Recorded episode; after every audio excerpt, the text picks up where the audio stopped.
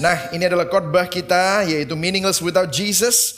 Eksposisi kita pengkhotbah minggu ke-8 dan judul khotbah saya hari ini adalah Hidup dan Mati dalam Pandangan Injil. Ya, Saudara. Saudara kalau saudara sadari tidak peduli seberapa sukses saudara, seberapa banyak uang saudara, seberapa banyak kenyamanan yang saudara miliki dalam hidup ini, apakah saudara sangat religius ataupun saudara benar-benar baru percaya Tuhan dan hari ini mungkin saudara tidak percaya Tuhan, tetapi saudara karena mau makan sama teman saudara, saudara diajak dulu ke gereja ke Gibeon Church, ya welcome. Uh, tapi kita semua harus menghadapi kematian. Ajal akan datang menghampiri semua manusia. Apakah dia seorang konglomerat ataupun dia seorang pengemis, apakah dia seorang pendeta ataupun seorang preman. Jadi bagaimana menjalani kehidupan dan menghadapi kematian? Di sinilah kita akan membaca sama-sama pengkhotbah 9 ayat 1 sampai 12. Kita akan membacanya dan mengeksposisinya hari ini. Saya akan memulai dari ayat yang pertama warna putih dan saudara membacanya bergantian dengan warna yang ungu. Ya, sesungguhnya semua ini telah kuperhatikan. Semua ini telah kuperiksa yakni bahwa orang-orang yang benar dan orang-orang yang berhikmat dan perbuatan-perbuatan mereka baik kasih maupun kebencian ada di tangan Allah. Manusia tidak mengetahui apa pun yang dihadapinya. Ayat 2. Segala sesuatu sama bagi sekalian. Nasib orang sama, baik orang yang benar maupun orang yang fasik, orang yang baik maupun orang yang jahat, orang yang tahir maupun orang yang najis, orang yang mempersembahkan korban maupun yang tidak mempersembahkan korban, sebagaimana orang yang baik, begitu pula orang yang berdosa, sebagaimana orang yang bersumpah, begitu pula orang yang takut untuk bersumpah. Inilah yang celaka dalam segala sesuatu yang terjadi di bawah matahari. Nasib semua orang sama. Hati anak-anak manusia pun penuh dengan kejahatan dan kebebalan ada dalam hati mereka seumur hidup. Kemudian mereka menuju alam orang mati. Ayat 4. Tetapi siapa yang termasuk orang hidup mempunyai harapan karena orang yang hidup lebih baik daripada singa yang mati.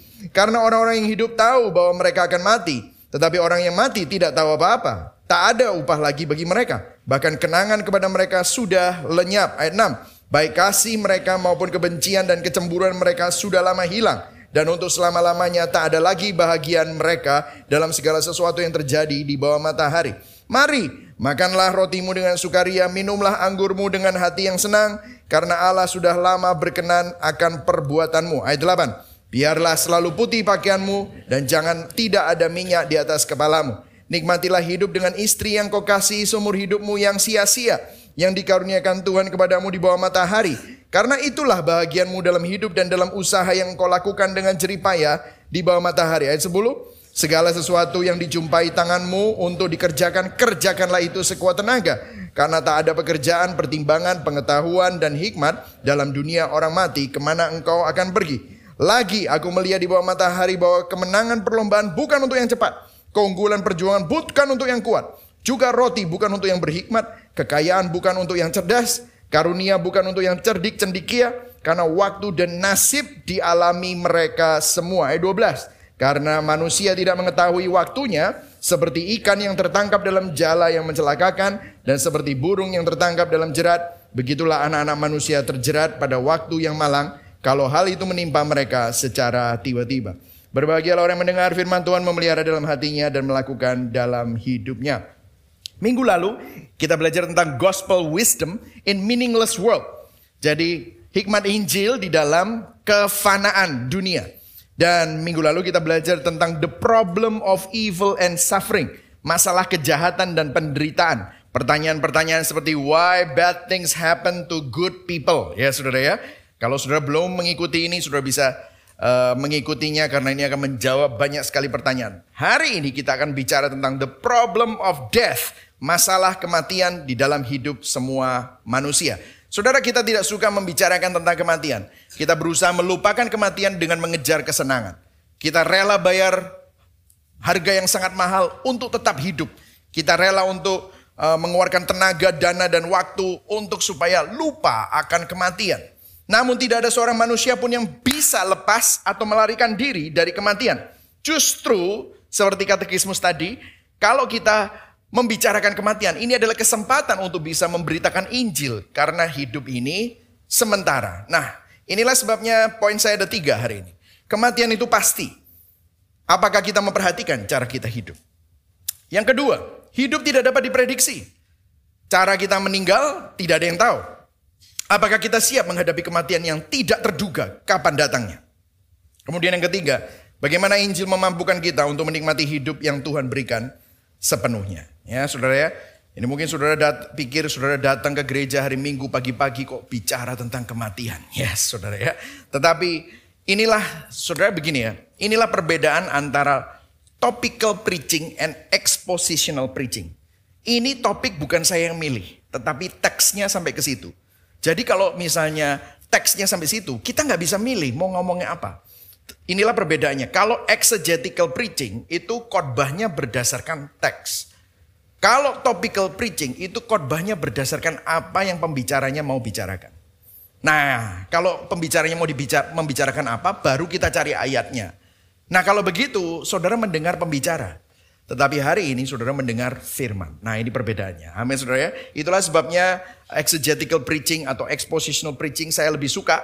Karena apa? Teks yang mendikte saya. Bukan saya yang mendikte teks. Oke. Okay? Nah kita akan mulai yang pertama. Kematian itu pasti apakah kita memperhatikan cara kita hidup. Yang siap belajar katakan yes. Ya oke. Okay. Nah kita akan mulai dari ayat yang pertama. Kalau kita baca yang pertama, nah kita akan mulainya dengan membaca dari versi Alkitab yang berbeda. Ya, Indonesia bahasa Indonesia itu ada macam-macam Alkitabnya. Ya, believe it or not, kalau nggak salah ada sembilan. Tetapi hanya tiga yang memiliki perjanjian lama. Sedangkan yang satu hanya memiliki kitab hikmat saja. Tidak semua kejadian mereka tidak punya. Nah yang akan kita baca adalah terjemahan sederhana Indonesia. Satu lagi yang mempunyai uh, perjanjian lama secara lengkap adalah selain terjemahan baru yang saudara bisa beli di mana-mana, Alkitab TB itu ya, uh, eh, TB terjemahan baru itu singkatannya. Satu lagi adalah BIMK, uh, eh, bahasa Indonesia masa kini, ah, ya masa kini.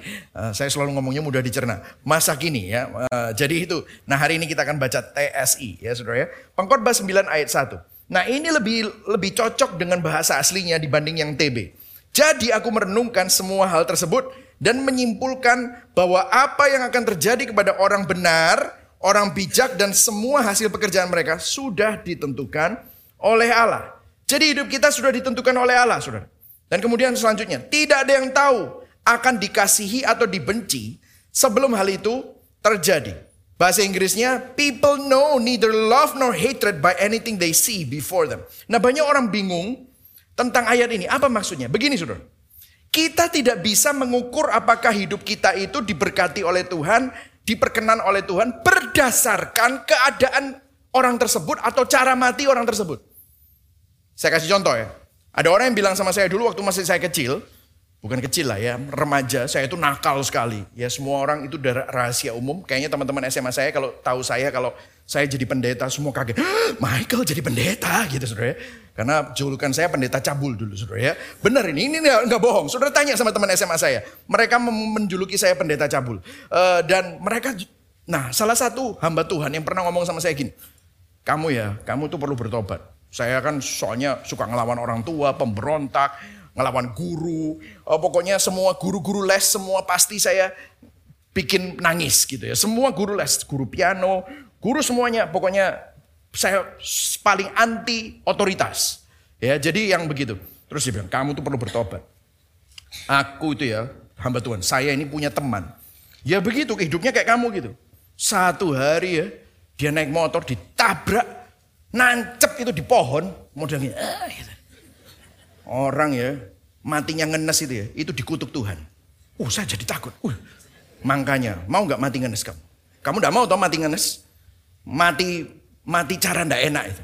Itu orang yang dikutuk Tuhan. Nah, Raja Salomo bilang gini, You nggak bisa bilang berdasarkan keadaan seseorang, berdasarkan cara mati seseorang, bahwa orang itu dikutuk Tuhan atau dicintai Tuhan. Nggak bisa. Karena kalau kita bicara tentang hal itu, kita fast forward. Apa yang terjadi dengan Yohanes Pembaptis? Yohanes Pembaptis adalah seorang nabi yang terakhir yang mencipta, men, me, menyiapkan jalan buat Yesus Kristus. Matinya di mana? Dipenggal. Gara-gara apa? Gara-gara ada Herodes main game sama anaknya. Dan anaknya menang dan dibilang hadiahmu minta apa? Oh uh, kepalanya Yohanes Pembaptis. Dan kepalanya Yohanes Pembaptis dipenggal. Mati ngenes saudara. Apakah Tuhan nggak berkenan sama hidupnya? Tuhan sangat berkenan sama hidup Yohanes Pembaptis. Bagaimana dengan Petrus? Petrus adalah seseorang yang merintis gereja, bishop of Christian uh, church. Mula-mula dia bishopnya. Apa yang terjadi? Dia mati dengan kepala salib terbalik. Mati ngenes. Apakah hidupnya tidak berkenan di hadapan Tuhan? Enggak. Bagaimana dengan Rasul Paulus yang menulis dua per tiga dari Alkitab. Kapal karam tiga kali. Dilempari batu sekali. Dan yang terakhir dipenggal. Orang bilang, ini hamba Tuhan paling kasihan. Gak ada, kalau zaman sekarang, gak ada favor of God. Saudara kita selalu dibombardir dengan pengajaran-pengajaran bahwa kalau seseorang itu diperkenan Tuhan itu dia pasti akan sukses, kaya, miskin, nyaman dan matinya aman, tenang.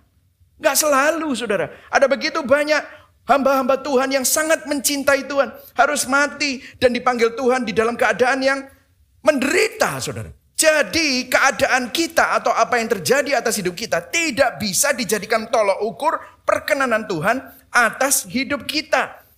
Nah ini menyedihkan di mana pengkhotbah dan gereja yang mengatakan kalau kamu mengasihi Tuhan, kamu beribadah pada Tuhan, kamu melayani Tuhan, maka kamu akan selalu makmur, sehat dan kaya. Itu bukan Alkitab. Buku-buku yang mengajarkan kalau kamu berkata doa Yabes, maka wilayahmu akan diperluas dan kesakitan tidak akan menimpa kamu. Itu hanya untuk Yabes, belum tentu untuk kita. Kalau kita melihat tokoh-tokoh Alkitab, begitu banyak orang yang wilayahnya nggak diperluas. Tapi kepalanya dipenggal, dia dibakar. Yohanes, uh, orang yang paling dikasih Yesus. Apa yang terjadi? Dia di, dimasukkan tubuhnya di minyak panas, nggak mati, melonyot semua. Apa yang terjadi? Ah, udah nggak mati, dibuang di Pulau Patmos. Di situ dia menulis satu Yohanes, dua Yohanes, dan juga dia menulis kitab Wahyu. Dan dia mati sendirian di Pulau Patmos, mati ngenes. Jadi kita tidak bisa menjawab bahwa perkenanan Tuhan itu berdasarkan apa yang terjadi dalam hidup kita. Jadi kalau hari ini saudara, saudara merasa bahwa saudara mengalami pergumulan, saudara banyak penderitaan, saudara bilang, aduh Tuhan kenapa engkau tidak mengasihi aku? Siapa bilang Tuhan tidak mengasihi kita? Kalau saudara sadar kadang-kadang kita berfokus pada penderitaan kita dan tidak bisa menghitung apa yang Tuhan sudah lakukan dan begitu kesetiaan Tuhan itu begitu banyak dan kalau saudara mau hitung sebenarnya kesetiaan Tuhan dan kebaikan Tuhan itu tidak terhitung dibandingkan penderitaan saudara. Yang setuju katakan amin. Ini kita perlu sadar akan hal ini. Josh Hunt seorang uh, penulis komentari dari Ecclesiastes dia bilang begini, berada dalam genggaman tangan Tuhan tidak berarti. Katakan sama-sama, tidak berarti. Tidak berarti ya saudara selalu makmur, sehat, dan hidup bebas dari sakit penyakit. Umat Tuhan bisa saja mengalami penderitaan. Namun kita percaya bahwa Yesus lebih dari cukup. Bahwa dia memegang kendali dan waktu serta rencananya adalah yang terbaik di dalam setiap keadaan. Termasuk apa? Penderitaan. Jadi kalau saudara saleh, saudara rohani, itu nggak jaminan bahwa kemakmuran dan kenyamanan dan kesehatan itu selalu ada. Jangan sampai kita saleh dan rohani karena dapat itu. No. Karena bisa saja keadaan itu berbeda. Tetapi jangan izinkan keadaan menjadi tolok ukur perkenanan Tuhan atau penolakan Tuhan. Jelas ya? Itu satu A tadi ya. Keadaan kita nggak bisa dijadikan tolok ukur. Kemudian berikutnya. Lihat apa yang terjadi. Karena nasib semua orang sama. Baik orang benar maupun orang jahat. Nah di sini ya, TSI dan TB dan Inggris semua memberikan enam. Orang benar, orang jahat. Orang najis atau orang tidak najis. Orang yang mempersembahkan korban maupun tidak mempersembahkan korban. Hal yang sama menimpa siapa saja, termasuk orang baik, orang berdosa. Orang yang berani bersumpah dan yang tidak bersumpah. Hal ini memang tidak adil. Sangat menyedihkan. Nasib yang sama menimpa setiap orang. Selama hidup di dunia ini, hati dan pikiran manusia penuh dengan kejahatan dan kebebalan. Bahkan sampai mereka apa saudara? Mati. Jadi, kalau kita menganggap kemakmuran dan penderitaan sebagai tanda perkenanan Tuhan, maka kita kehilangan arah, maka kita akan kecewa. Kita tidak bisa mengukur. Kenapa? Karena semua orang nasibnya sama. Di sini kita bisa melihat bahwa satu B, nasib orang Orang baik, orang jahat, orang benar, orang fasik, orang najis, orang tahir, konglomerat, bilioner, atau pengemis, presiden, ataupun seorang yang bukan siapa-siapa, penjaga warung. Semua berakhir pada liang kubur, mati. pendeta maupun preman. Seorang yang hidup suci maupun seorang yang hidupnya penuh dengan dosa. Terlepas dari seberapa bermoral saudara, sereligius kita, kita akhirnya harus menghadapi kematian. Kematian adalah penyeimbang kehidupan yang tidak terelakkan. Pengkhotbah telah menulis banyak tentang kesia-siaan dan kematian adalah puncak dari absurditas kehidupan manusia. Jadi kalau saudara perhatikan tidak bisa kita lihat pembeda. Yang pertama kita tidak bisa membedakan, oh orang ini di, diberkati Tuhan dan tidak diberkati Tuhan berdasarkan keadaannya. Saya kasih contoh ya, tokoh Alkitab lagi. Yusuf disayangi oleh Firaun Mesir, Raja Mesir. Begitu juga Haman di ceritanya Esther disayangi oleh Raja Ahasiweros. Daud adalah seorang raja yang diberkati dengan kekayaan yang besar. Tetapi begitu juga Nabal yang jahat, kaya. Padahal Nabal tidak diperkenan Tuhan. Jadi jangan jangan ngukur perkenanan Tuhan dengan kekayaan. Jangan ngukur perkenanan Tuhan sama disayang oleh orang penting. Tidak seperti itu. Cara mati. Ahab adalah raja yang jahat, terbunuh dalam pertempuran. Dan tubuhnya dimakan oleh anjing. Demikian juga Yosia yang takut akan Tuhan, mati juga di dalam peperangan. Dan Yosia sangat takut akan Tuhan.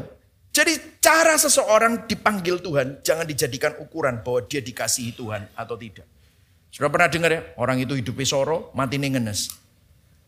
Kutuke wake pasti. Loh, tapi orangnya baik. Oh itu mungkin kutuk keturunan dari ngkongi. Saudara, itu pengajaran tidak alkitabiah loh. Itu pengajaran agama. Itu kecampur sama karma. Itu. Saya udah pernah saya pernah mengupas ya tentang hukum karma ya. Jadi nasib manusia entah caranya bagaimana bagaimana hidupnya akhirnya manusia itu harus mati. Nah, dari mana asal kematian? Saya mau tunjukin kepada saudara bahwa sebenarnya manusia tidak diciptakan untuk mati. Kalau kita baca di kejadian 1 dan 2, manusia diciptakan untuk kehidupan. Saudara dan saya diciptakan untuk kehidupan. Katakan sama-sama, saya diciptakan untuk kehidupan. Katakan pada kanan kiri, kamu itu diciptakan untuk hidup bro. Nah itu saudara ya.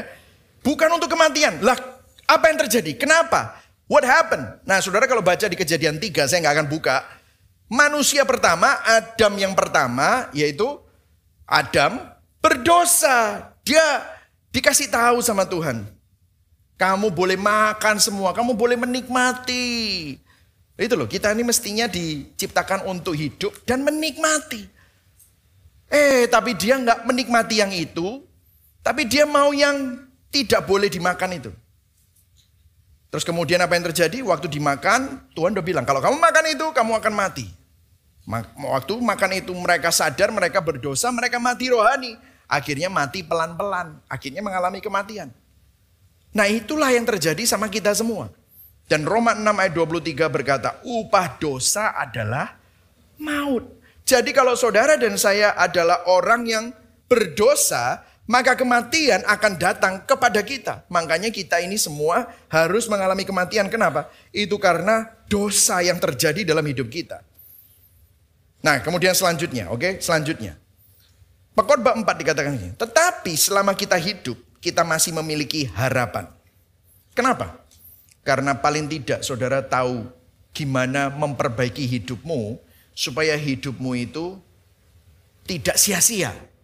Terus dikatakan begini, keadaan kita boleh diibaratkan seperti ini. Baca sama-sama, satu, dua, tiga. Lebih baik seekor anjing yang masih hidup daripada singa yang sudah mati. Nah ini guyon ya, guyon sedikit ya.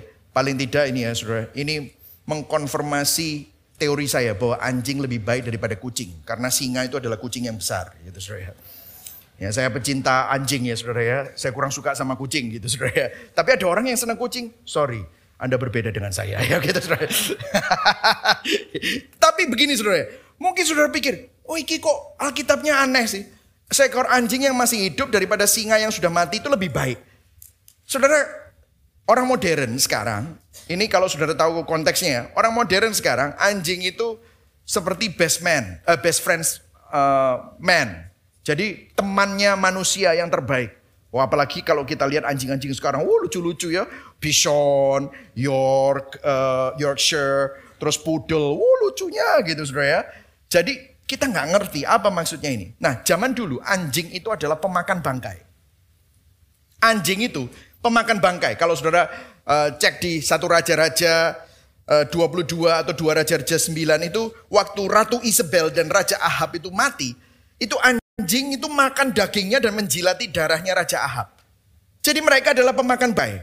Sebaliknya kalau singa di dalam firman Tuhan itu selalu kelihatannya kuat, mulia, gagah, megah.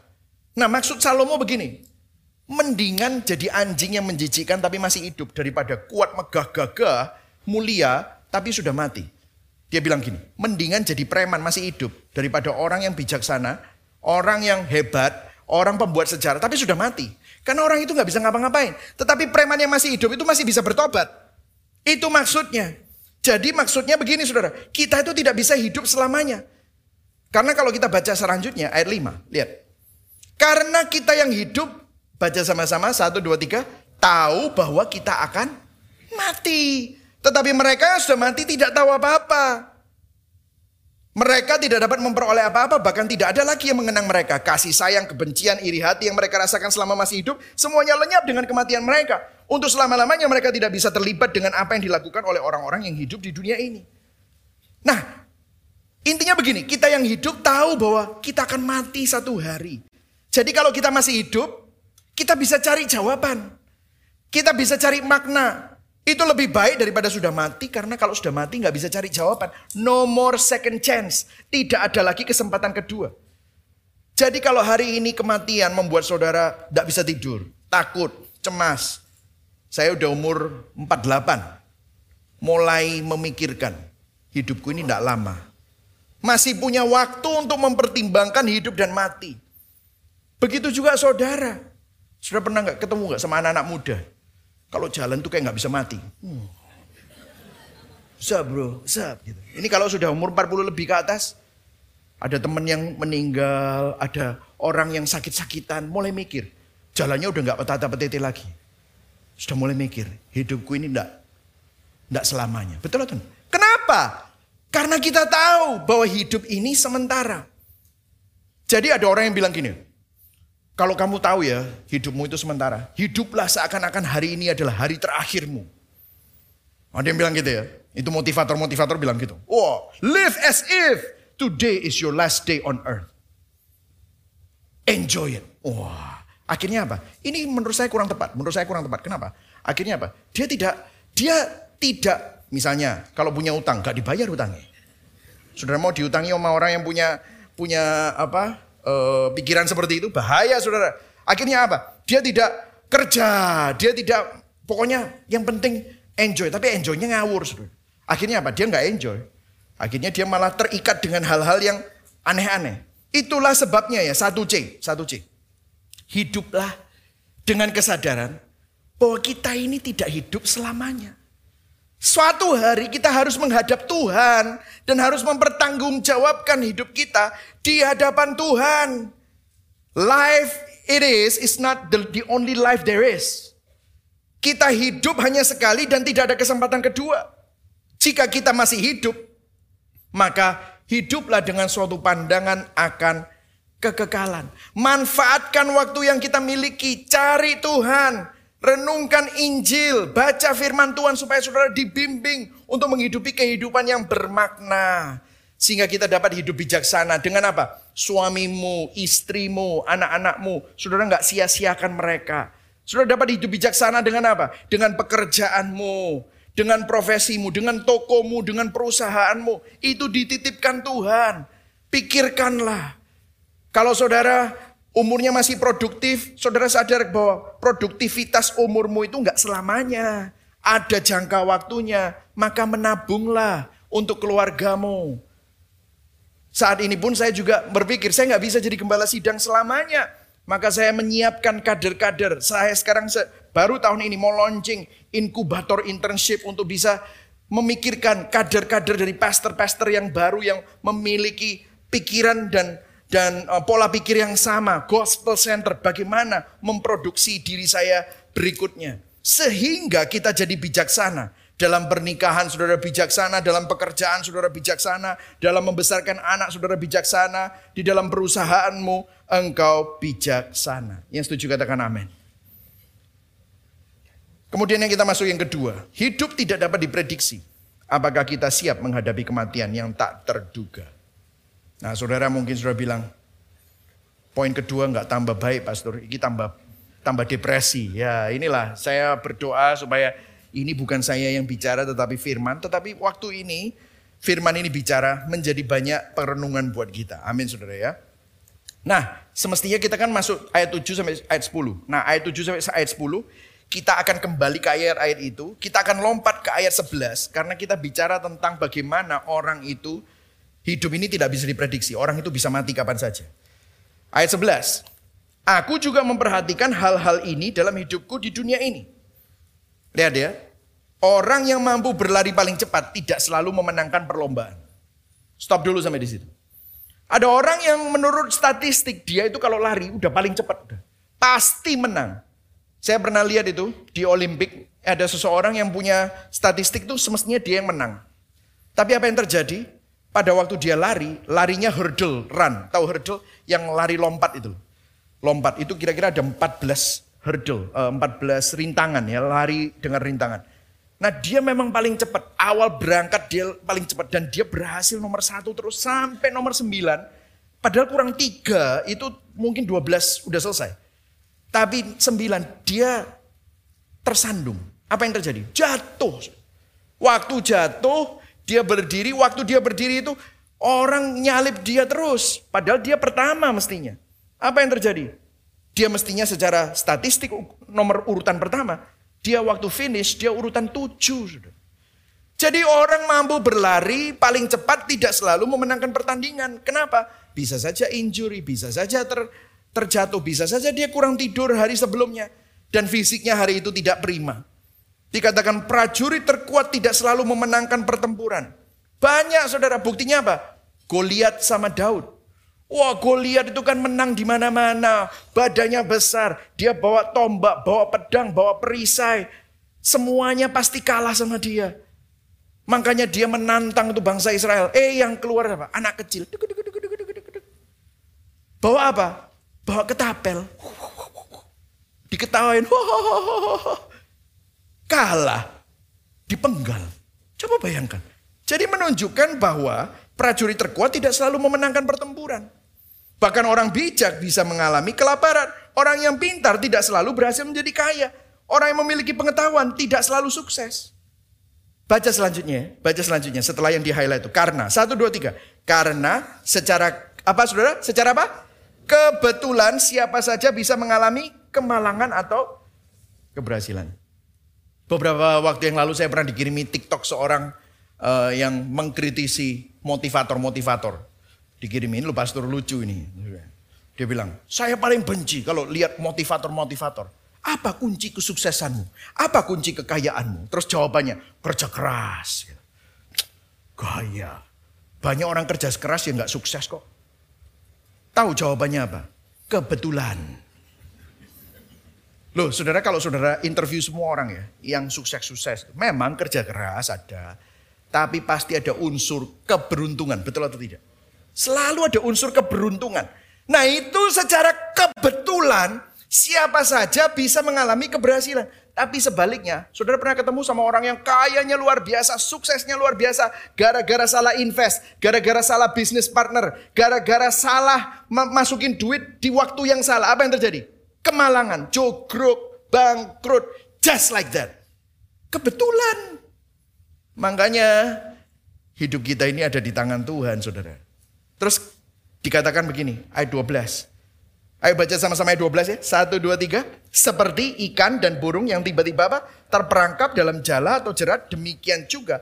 Tidak seorang pun tahu kapan dia akan ditimpa malapetaka. Jadi hidup kita sangat singkat seperti uap. Kematian dapat datang tiba-tiba tanpa diundang. Apakah kita siap saat ajal datang menjemput? Dikatakan tadi, hidup ini tidak ada yang bisa memprediksi bencana itu kapan terjadi. Ikan lagi nyantai-nyantai, oh berenang. Tiba-tiba ada speedboat, eh ada speedboat, ya enggak curiga. Tiba-tiba saya ikannya sudah di dalamnya. Tidak lama kemudian jadi sushi. Mampus dia. Terbang, burung dara terbang, ya kan? Tiba-tiba set, set, set, set, dapat. Tiba-tiba sudah disajikan burung dara goreng. Mati. Tidak ada yang bisa memprediksi. Hidup kita sangat singkat. Seperti uap, kematian dapat datang tiba-tiba tanpa diundang. Nah kalau saudara tiba-tiba dipanggil, ajal datang menjemput, siap nggak saudara? Saudara saya ingat waktu almarhum papa saya dipanggil Tuhan. Persiapan sebelum kami memutuskan untuk pulang ke Indonesia itu dua tahun. Saudara. Dan saya masih ingat sebelum saya berkata ya terhadap terhadap tawaran papa saya, itu saya sempat duduk di sebuah restoran berdua makan sama papa. Saya habis pelayanan keliling, saya masih menggembalakan di Amerika, gerejanya juga bertumbuh, bisnis kami juga di Amerika juga sangat bertumbuh dan kami waktu itu ngobrol dan papa bilang begini sama saya, kamu loh ya Mike, aku papa itu dari kecil sama kamu itu taunya nakal terus. Habis itu kamu pergi ke Amerika sekolah, kita mendoakan kamu tuh Tuhan. Channel anakku nggak rusak gitu ya di, di Amerika. Eh, saya bertobat justru di Amerika. Jadi hamba Tuhan. Terlepas dari orang tua saya. Terus dia bilang, Papa itu nggak pernah pelayanan bareng sama kamu. Nggak pernah mengecap buah kelahiran barumu. Waduh, terenyuh saya. Aduh Tuhan gitu. Ya, ya, ya. Jadi kita persiapan dua tahun. Nah, tiga minggu sebelum saya berangkat pulang ke Indonesia, jadi rumah sudah dijual, semua sudah dijual, semuanya sudah laku, tinggal diambil orangnya. Ya, saya lagi pelayanan di San Francisco, saya lagi khotbah tiga sesi hari itu dan saya lagi tidur. Kira-kira jam setengah tiga pagi. Setengah tiga pagi saya ditelepon, Papa meninggal. What? Wah hati saya hancur. Saudara tahu ceritanya waktu saya waktu pulang. Saya diceritain hari Sabtunya. Itu meninggalnya hari Minggu Bapak. Hari Sabtunya dia masih keadiasa saudara. Dia biasa, dia ketemu sama teman-temannya. Waktu duduk sama teman-temannya, dia maisong melayat orang, dia malah tanya. Tanya-tanya sama teman-temannya itu umurnya mereka semua. Ye umur berapa? Holland Spreken. Ye. Ye umur berapa? Oh Eko. Terus dia Eko umur 70. Dan memang tahun itu dia umur 70. Ya, firman Tuhan bilang umur 70. Kalau ditambahin bisa saja kapan. Terus besoknya dia ke gereja. Om saya yang khotbah, pendeta Ras Pandiangan. Ya, itu pendeta GKI di khotbah. Dia tak tanyain, katanya pagi-pagi setelah kebaktian pertama makan pecel di belakang. Ye umur berapa? Ditanyain begitu. Eko sudah umur segini. Saudara, waktu itu ada tiga kebaktian setelah kebaktian kedua, ada kebaktian sore setengah lima. Bapak saya masuk ke kamar mandi untuk mandi dan dia tidak dia tidak pernah keluar lagi didobrak, dia udah di lantai, langsung berpulang. Hidup sangat singkat. Tapi saya tahu, ayah saya siap. Tapi yang ditinggal itu gak siap. Tapi apakah saudara siap? Kalau ajal datang menjemput. Makanya Yakobus 4 ayat 13 sampai 15 bilang begini. Jadi sekarang hai kamu yang berkata hari ini atau besok kami berangkat ke kota Anu Nunjukin ya saudara, di Alkitab ada Anu. Itu di Alkitab ada Anu. Dan di sana kami akan tinggal setahun berdagang serta dapat untung. Oh dapat cuan. Sedang kamu tidak tahu apa yang akan terjadi besok. Apa arti hidupmu? Hidupmu itu sama seperti uap yang sebentar saja lalu kelihatan lalu lenyap. Sebenarnya kamu harus berkata jika Tuhan menghendakinya, kami akan hidup dan berbuat ini dan berbuat itu. Jadi jangan berpikir kita nggak bisa mati. Waktu kita di bumi ini terbatas. Makanya kita harus minta sama Tuhan. Apa Tuhan yang kau kehendaki? Aku bisa terlibat apa dalam rencanamu? Banyak hamba Tuhan bilang gini, libatkan Tuhan dalam rencanamu. Libatkan Tuhan dalam hidupmu. Loh, yang jongos sama yang Tuhan siapa sih? Libatkan Tuhan. Emangnya Tuhan tuh perlu dilibatkan kayak seorang pengusaha minta dilibatkan proyek pemerintah? Gimana sih? Sebenarnya perkataan libatkan Tuhan dalam hidupmu itu terbalik. Mestinya kita yang minta terlibat di dalam kehendak Tuhan. Betul atau tidak? Kita perlu bertobat. Kita pikir Tuhan itu asisten pribadi kita. No. Seharusnya kita minta Tuhan hidupku yang sementara, hidupku yang singkat ini, hidupku yang pendek. Dengan semua yang kau percayakan dalam hidupku. Aku bisa terlibat apa dalam rencanamu? Kau mau pakai aku untuk apa? Tanya dong sama Tuhan. Siap gak kita?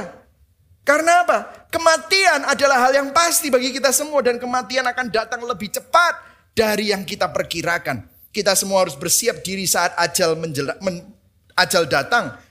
Karena itu kematian membuat kita merenung dan mawas diri demi memperjelas apa? Untuk apa? Untuk siapa kita hidup dalam kehidupan yang singkat ini? Karena Allah sudah menetapkan Ibrani 9 ayat 27 bahwa manusia mati kapan? Satu kali aja. Dan setelah itu apa?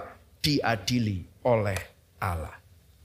Saya masuk di dalam poin yang ketiga.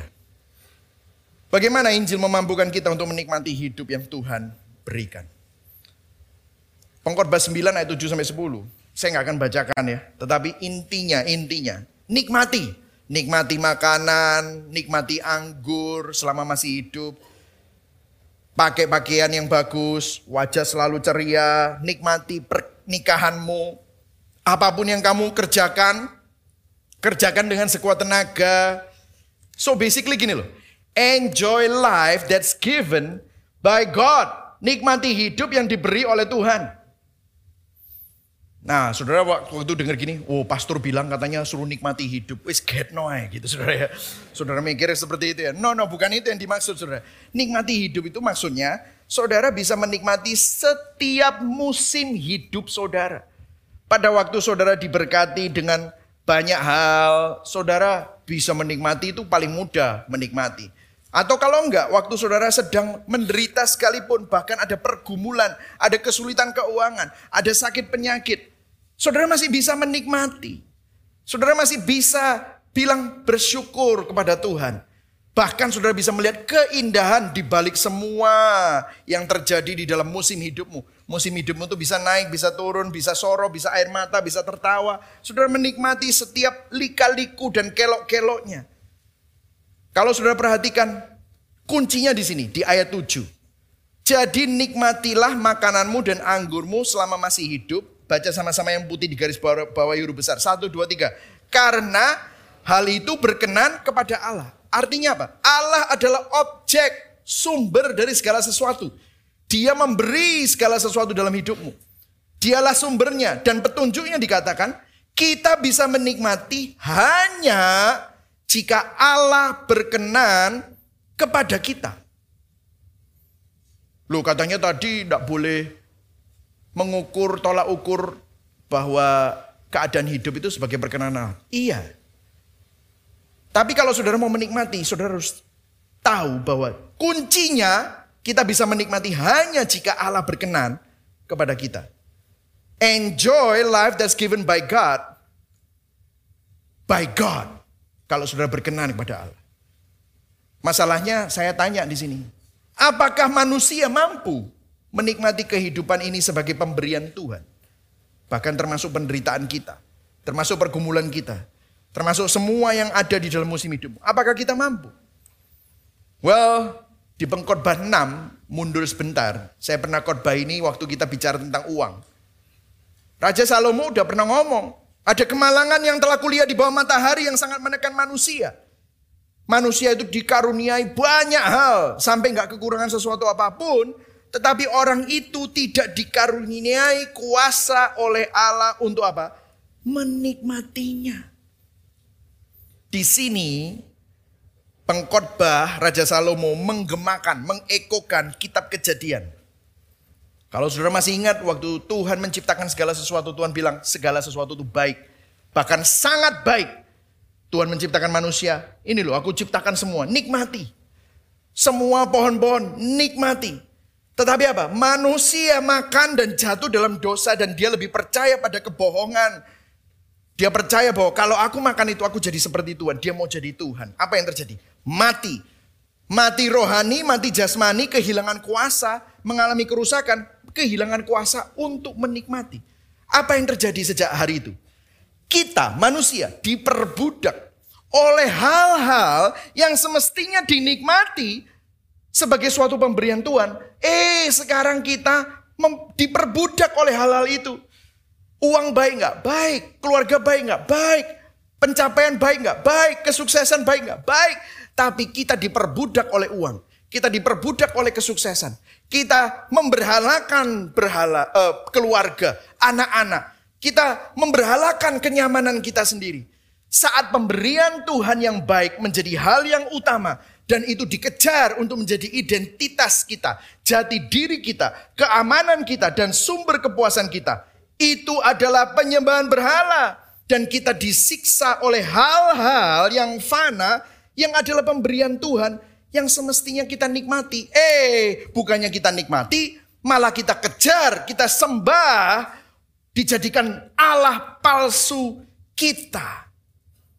Saudara tanpa takut akan Tuhan, kita hanya akan mengalami sengsara di dalam penyembahan berhala.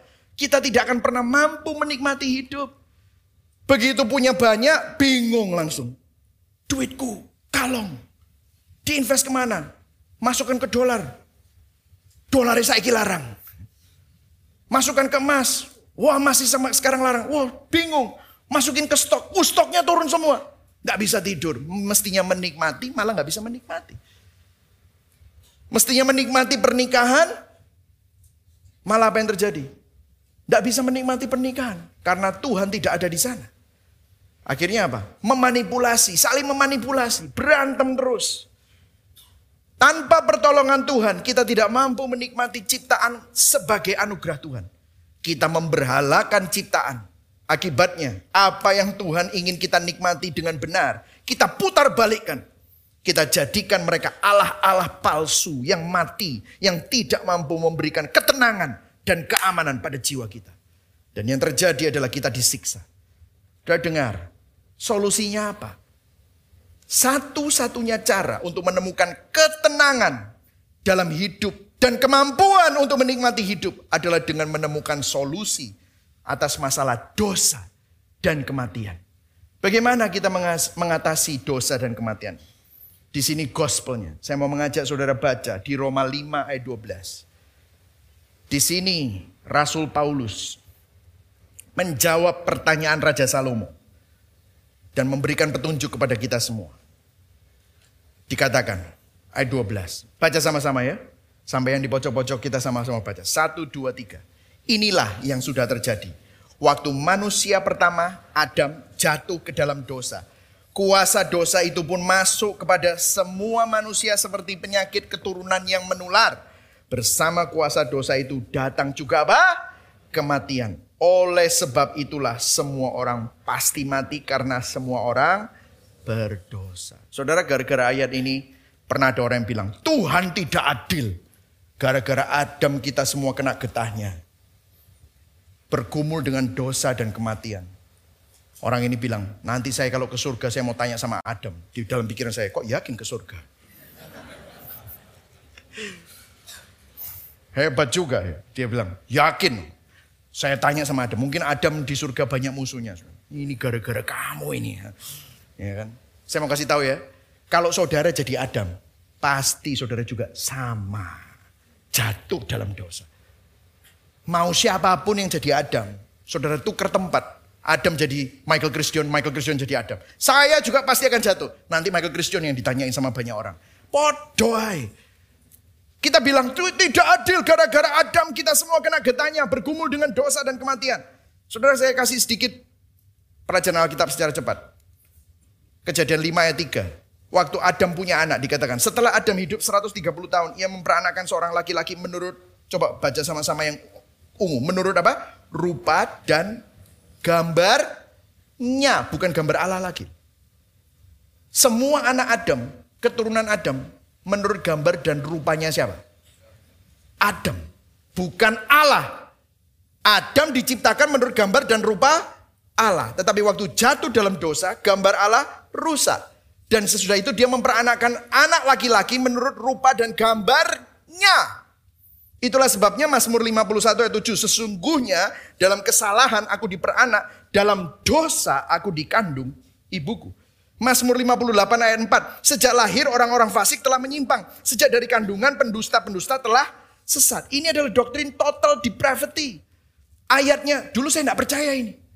Sampai ayatnya itu banyak sekali sampai saya harus bertekuk lutut sama ayat. Jadi bukan doktrin yang membuat saya percaya. Ayat Alkitab yang membuat saya percaya doktrin. Jangan terbalik. Orang menyebut engkau pemberontak sejak dari kandungan. Yesaya 48 ayat 8b. Jadi kita semua dianggap berdosa karena Adam. Kita menjadi pendosa di dalam Adam. Kita semua protes, gak adil, gak adil. Tapi lihat, lihat, lihat, lihat. Di sini kabar baiknya. Katakan sama-sama, kabar baik, kabar baik. Amin, kabar baik. Katakan pada kanan kiri, hei perhatikan, ini kabar baiknya. Oke, kabar baiknya. Ini kabar baiknya. Namun, meskipun zaman dahulu dosa tidak diperhitungkan. Tetapi akibat dosa Adam, semua manusia sejak zaman Adam sampai zaman Musa mengalami apa? Kematian. Walaupun pada zaman itu manusia tidak melanggar perintah apa pun yang langsung diberikan kepada dari Allah seperti Adam melakukan, tetapi manusia tetap tidak bisa lepas dari kematian. Eh, Tuhan pakai sistem yang sama yang kita bilang tidak adil itu. Lihat. Adam menggambarkan siapa? Kristus yang Allah janjikan untuk datang kemudian. Dengarkan saudara. Apa yang kita anggap gak adil, justru adalah kabar baik yang menjadi jalan keluar yang Allah telah sediakan. Kita marah gara-gara Adam, kita kena getahnya dalam dosa dan kematian. Dengar, itu justru setupnya Tuhan untuk menciptakan sebuah jalan keluar bagi saudara dan saya yang ada di dalam dosa dan kematian. Seterusnya, kalau kita lompat di ayat 15. Akan tetapi, perbuatan Adam dan tindakan Kristus sungguh sangat jauh berbeda. Akibat pelanggaran Adam, semua manusia mewarisi kematian. Sebaliknya, katakan sama-sama sebaliknya. Wah, ini kabar kabar buruk jadi kabar baik. Sebaliknya, akibat pengorbanan Kristus Yesus, semua orang bisa dibenarkan di hadapan Allah dan menerima apa? hidup kekal. Hal itu membuktikan kebaikan hati Allah yang amat luar biasa. Pelanggaran Adam yang pertama membawa kematian bagi kita.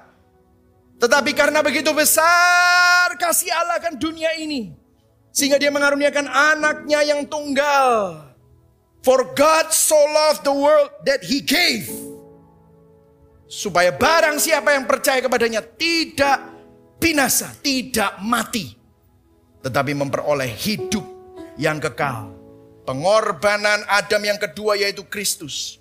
Mendatangkan kehidupan kekal bagi saudara dan saya. Kemudian ayat 18. Jadi kesimpulan. Akibat pelanggaran Adam saja. Semua orang layak dibinasakan. Tetapi akibat perbuatan Kristus saja terbukalah jalan supaya setiap orang bisa dibenarkan dan memperoleh hidup kekal. Artinya, karena perbuatan satu orang yang tidak taat kepada Allah, yaitu Adam, maka semua orang menjadi berdosa. Tetapi, baca sama-sama, satu, dua, tiga. Karena satu orang yang lain, yaitu siapa? Yesus. Yang taat kepada Allah, semua orang diberi kesempatan untuk dibenarkan di hadapan Allah. Berikan tepuk tangan buat Tuhan. Ini adalah pengharapan yang terbesar. Bagi saudara yang mendengar hari ini, baik online maupun onsite, kalau saudara belum menerima pengharapan ini, menerima konsep imputasi sesuatu status diperhitungkan terhadap seseorang karena perbuatan orang lain. Kita semua ada di dalam statusnya Adam. Tetapi waktu saudara percaya Kristus, maka status status Kristus diperhitungkan di dalam kehidupan saudara dan saya. Di dalam Kristus, masalah dosa dan kematian diselesaikan. Kita sudah didamaikan dengan Allah. Kita telah dibenarkan di hadapan Allah. Kita menerima hidup pemberian Allah. Why this such a big deal? Kenapa sih? This is such a big deal. Kenapa? Saya kasih ilustrasi. Kalau saudara lagi bertengkar sama seseorang, saudara benci banget sama orang itu, dan orang itu juga marah sama saudara. Tiba-tiba saudara datang ke sebuah pesta. Karena yang punya pesta tahunya saudara temenan. Saudara duduk satu meja. Padahal berantem besar. Saudara duduk satu meja pas adep-adepan lagi. Saya mau tanya sama saudara. Itu bakmi, sop, sirip ikan hiu, semua enak gak dimakan? Gak enak. Kenapa? Makan gini, waduh. Kita berusaha sibuk, oh, ngomong sana sini sini. Pas lagi gini ketok uangnya, waduh. Sepet gitu. Kenapa? Gak enak hatimu. Sudah bisa nikmati? Gak bisa. Pulang, hatimu juga gak enak. Mau ada yang nyanyi, yang nyanyi mau memukau, hebat. Mau yang nikah cantik, ganteng, gak bisa menikmati. Kenapa? Ada gak enak ini loh. Dengar, Allah semesta alam, murkanya karena kita berdosa. Itu mestinya menghukum kita. Dan kita tahu kita rasa bersalah. Kita ada rasa malu. Makanya kan Adam selalu bersembunyi sama Tuhan. Adam selalu berusaha menutupi. Makanya tidak bisa menikmati. Gak bisa menikmati. Tapi karena Kristus, di dalam Kristus, saudara sekarang didamaikan dengan Tuhan. Saudara dibenarkan bukan karena kamu benar, tapi kebenaran Kristus diperhitungkan, diaplikasikan dalam hidup. Kamu mati mestinya, tetapi Kristus mati bagi kamu, sehingga kita menerima hidup pemberian Allah. Sekarang, dalam semua musim hidupmu, Waktu engkau ketawa, saudara bisa menikmati. Ini semua karena Tuhan. Waktu engkau menangis, ini semua diizinkan Tuhan untuk kebaikan. Bahkan waktu engkau nangis pun, engkau bisa menikmati tangismu. Bahkan waktu engkau mengalami pergumulan, engkau bisa menikmati pergumulanmu. Karena kamu tahu di balik pergumulanmu, Tuhan sedang bekerja dia dalam hidupmu dan selalu mendampingi kamu. Kenapa? Kamu bukan musuh Allah, tapi kamu sahabat Allah. Kamu didamaikan dengan Allah. Di dalam Kristus, masalah dosa dan kematian sudah diselesaikan. Makanya di ayat 21, supaya sama seperti dosa berkuasa dalam dalam alam maut, demikian juga kasih karunia akan berkuasa oleh kebenaran untuk hidup yang kekal. Oleh siapa? Yesus Kristus, Tuhan kita. Saudara, saya akan tutup dengan sebuah cerita ini. Heroic story of Bridger Walker. Bridger Walker adalah seorang anak yang berusia 6 tahun di Amerika Serikat. Menyelamatkan adik perempuannya yang masih berumur 3 tahun. Aksi heroik itu terjadi di tahun 2020 di Wyoming, Amerika Serikat. Saudara tahu, adiknya mau diserang oleh seekor anjing German Shepherd Mix yang marah menerkam adiknya. Tetapi Bridger berdiri di antara adik perempuannya dengan anjing yang sedang mengamuk. Anjingnya itu menggigit wajahnya Bridger. Dan menyeret Bridger beberapa meter. Dan mencabik-cabik mukanya. Sehingga Bridger Walker harus mengalami 90 jahitan. Kejadian itu jadi viral sehingga para pemain di Avenger. Kalau saudara perhatikan ada Chris Evans, Captain America, Chris Hemsworth, Thor, Tom Holland on the phone, Spider-Man, dan Tony Starknya Iron Man, Robert Downey Jr. Mereka semua terinspirasi karena aksi heroiknya. Walker menghadang terkaman dan gigitan anjing demi menyelamatkan adiknya. Mengapa ini bisa saya sampaikan? Saudara, setiap kita mendambakan seorang pahlawan. Dan kita juga berusaha menjadi pahlawan itu. Namun tidak bisa memuaskan hati kita. Aksi-aksi heroik ini menginspirasi kita. Kenapa? Karena kalau kita perhatikan, Yesus Kristus adalah pahlawan kita yang sempurna. Yesus Kristus berdiri di tempat kita, bertukar tempat dengan kita. Untuk ngapain? Dia yang menghadang terkaman maut. Dia yang menerima pukulan hukuman dosa yang semestinya dijatuhkan atas saudara dan saya. Ganjaran yang mendatangkan keselamatan ditimpakan kepada dia. Mestinya saudara dan saya yang mestinya menerima ganjaran itu. Tetapi dia dipukul hukuman dosa di atas kayu salib. Pada waktu orang-orang itu menyalibkan dia, dia tidak marah, dia bahkan berkata, Tuhan ampuni mereka, karena mereka tidak tahu apa yang mereka lakukan. Dan itu dialami Yesus Kristus. Dia bertukar tempat. Supaya apa?